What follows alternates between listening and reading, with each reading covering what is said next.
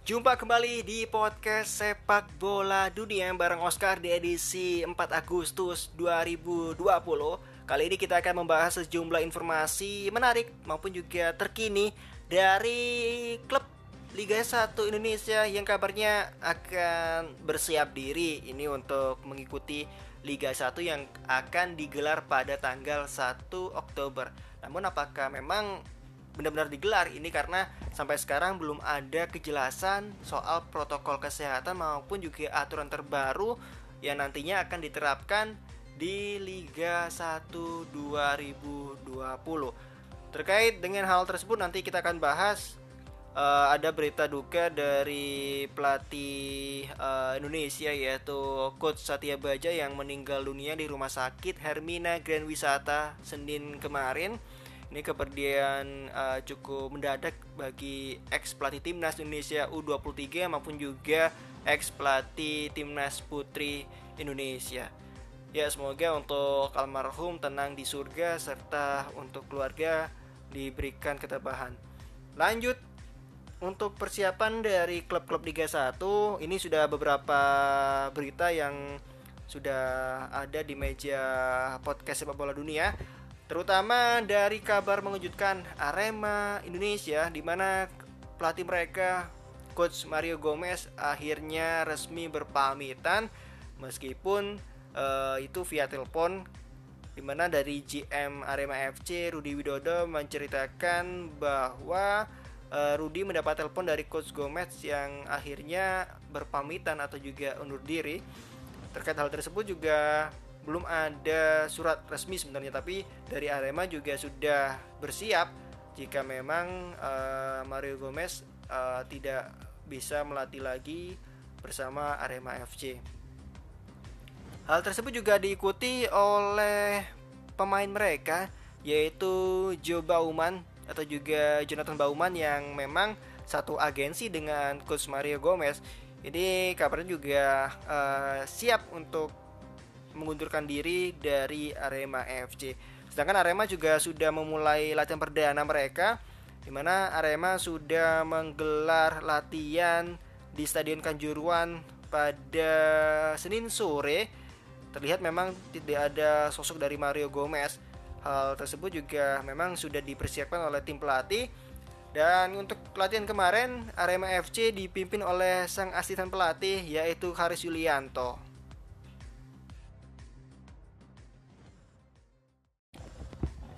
Dan ke berita selanjutnya, ini podcast sepak bola dunia melansir dari harian Jawa Pos soal kabar dari Persebaya Surabaya ya memang Persibaya Surabaya belum uh, secara resmi menentukan sikapnya di Liga 1 2020.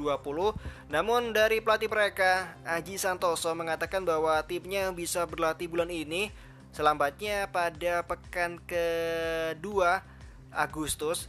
Lalu bagaimana kesiapan dari para pemain? Di mana gelandang Persibaya yaitu Hambali Talib juga mengaku siap jika kembali berlatih? Karena selama ini Hambali juga uh, setiap hari ketika berlibur menjaga fisiknya untuk berlatih.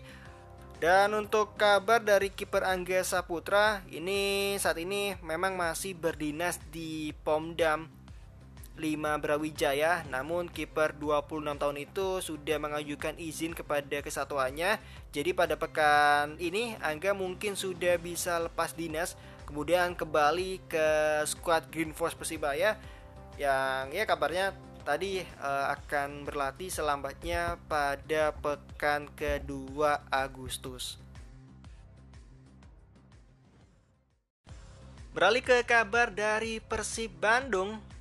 Untuk podcast sepak bola dunia mengabarkan dari laman resmi Persib Bandung soal kondisi kesehatan coach Robert Albert, pelatih Persib Bandung yang mulai membaik karena sebelumnya sempat dilarikan ke rumah sakit setelah terkena serangan jantung beberapa hari yang lalu. Kondisi uh, Coach Robert telah membaik. Ini dilansir dari raman resmi Persib Bandung di mana Coach Robert juga mengatakan setelah pulang dari rumah sakit akhir pekan lalu saya kembali melakukan kontrol kedua kalinya di rumah sakit. Di luar dugaan, dokter juga menyatakan proses pemulihan berjalan lebih baik dari perkiraan. Tentu saya juga senang mendapatkan kabar tersebut dan saya ingin segera melatih tim Persib Bandung. Bahkan juga Coach Rene Albert meminta kepada seluruh pemainnya untuk segera merapat ke Bandung, khususnya bagi ketiga pemain asing Persib Bandung yang kini sedang berada di luar negeri. Ada Wander Luis, Omid Nazari, dan Geoffrey Castillion yang berada di kampung halamannya masing-masing. Dan menyoal pada subsidi dari PT LIB yang dipastikan hanya 800 juta rupiah per bulan. Bagaimana respon klub dari Liga 1?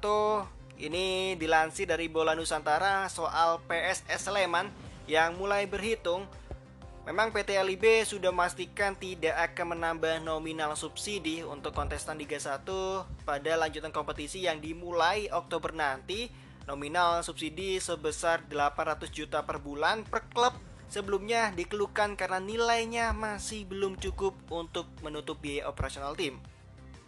Dan respon pun muncul dari tim PSS Sleman sebagai salah satu tim dari kasta tertinggi yang menyikapi kondisi ini dengan realistis di mana dari direktur utama mereka Marco Gracia mengatakan timnya akan berhitung lebih cermat lagi untuk berjalan dengan apa yang sudah diputuskan oleh PT LIB dan juga PSSI. Dikatakan oleh Marco Gracia bahwa jika bicara secara bisnis memang nilai subsidi yang ada tidak masuk, namun ini bukan masalah cukup atau tidak, kita harus benar-benar mencermati dan juga berhitung. Marco Gracia juga mengakui memang kebijakan melakukan sentralisasi Liga 1 2020 di Pulau Jawa ini mendatangkan keuntungan untuk para kontestan, namun keuntungan ini tidak bisa disamaratakan. Hanya saja dari Marco Gracia juga memastikan bahwa PSS Sleman akan menerima segala keputusan PT LIB dia juga menyatakan Super Elang Jawa siap untuk kembali bertempur di Liga 1 2020.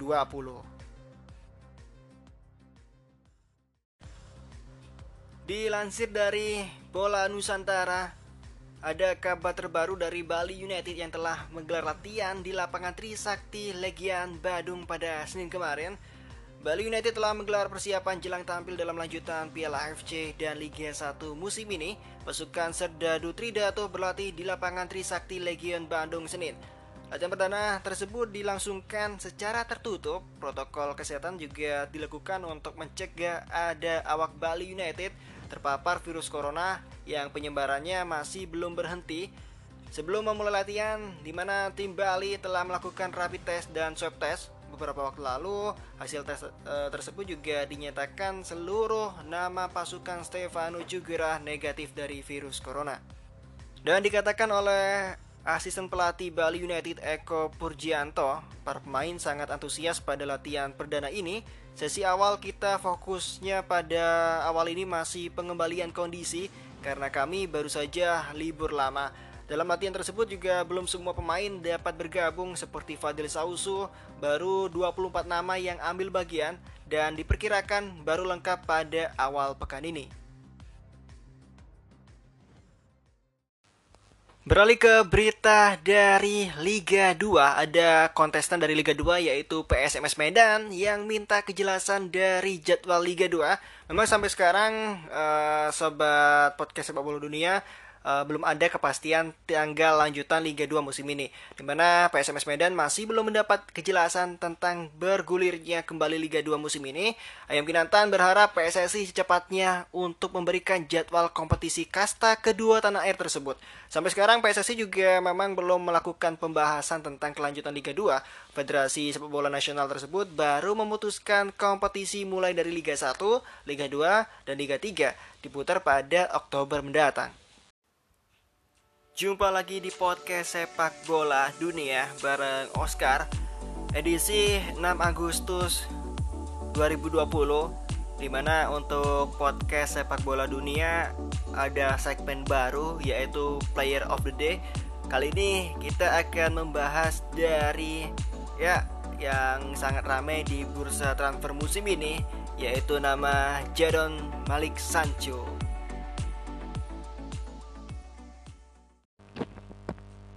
Jadon Sancho memiliki nama lengkap Jadon Malik Sancho, adalah seorang pemain sepak bola asal Inggris yang bermain untuk klub Bundesliga Jerman Borussia Dortmund. Sancho pemain yang dengan posisi sayap kanan yang memiliki kecepatan dan umpan silang yang presisi. Dia lahir pada tanggal 25 Maret 2000 atau sekarang berumur 20 tahun dan memiliki postur tubuh 180 cm. Sebelum bergabung bersama Borussia Dortmund, Sancho telah membela dua klub Liga Primer Inggris, yaitu Watford sebagai klub masa kecilnya dan Manchester City sebagai klub keduanya.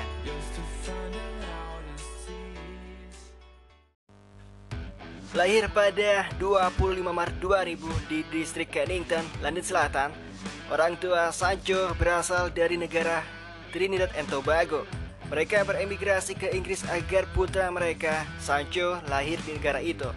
Dan ayah Sancho bekerja sebagai penjaga keamanan. Ketika Sancho masih kecil, Sancho adalah penggemar berat klub Inggris Chelsea. Pada usia yang sangat muda, Sancho telah menunjukkan minat besar dalam sepak bola. Kepala sekolahnya di sekolah dasar London yaitu Crampton meyakinkan bahwa Sancho memiliki sensasi pada dunia sepak bola.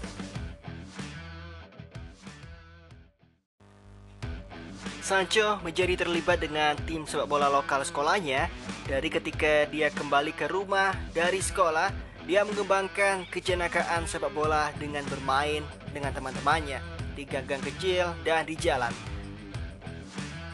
Pada hari tertentu, ketika Sancho mengunjungi teman-temannya yang saat ini adalah pesepak bola profesional, yaitu Ray Nelson dan Ian Carlo Povelda, Ketiganya keluar untuk bermain sepak bola ketika Saiz Holmes Lewis, seorang pelatih sepak bola London, memperhatikan ketiganya dan terkesan dengan keterampilan mereka. Akhirnya dengan demikian membuat keputusan untuk menghubungkan anak-anak muda untuk mengejar karir di sepak bola. Sebagai hasil dari Saiz Holmes Lewis yang menghubungkan Sancho dengan pemandu bakat sepak bola, ia mulai bermain untuk Watford tetapi harus pindah ke fasilitas yang disediakan oleh Watford karena sulit untuk pindah dari Kennington ke pusat pelatihan Watford.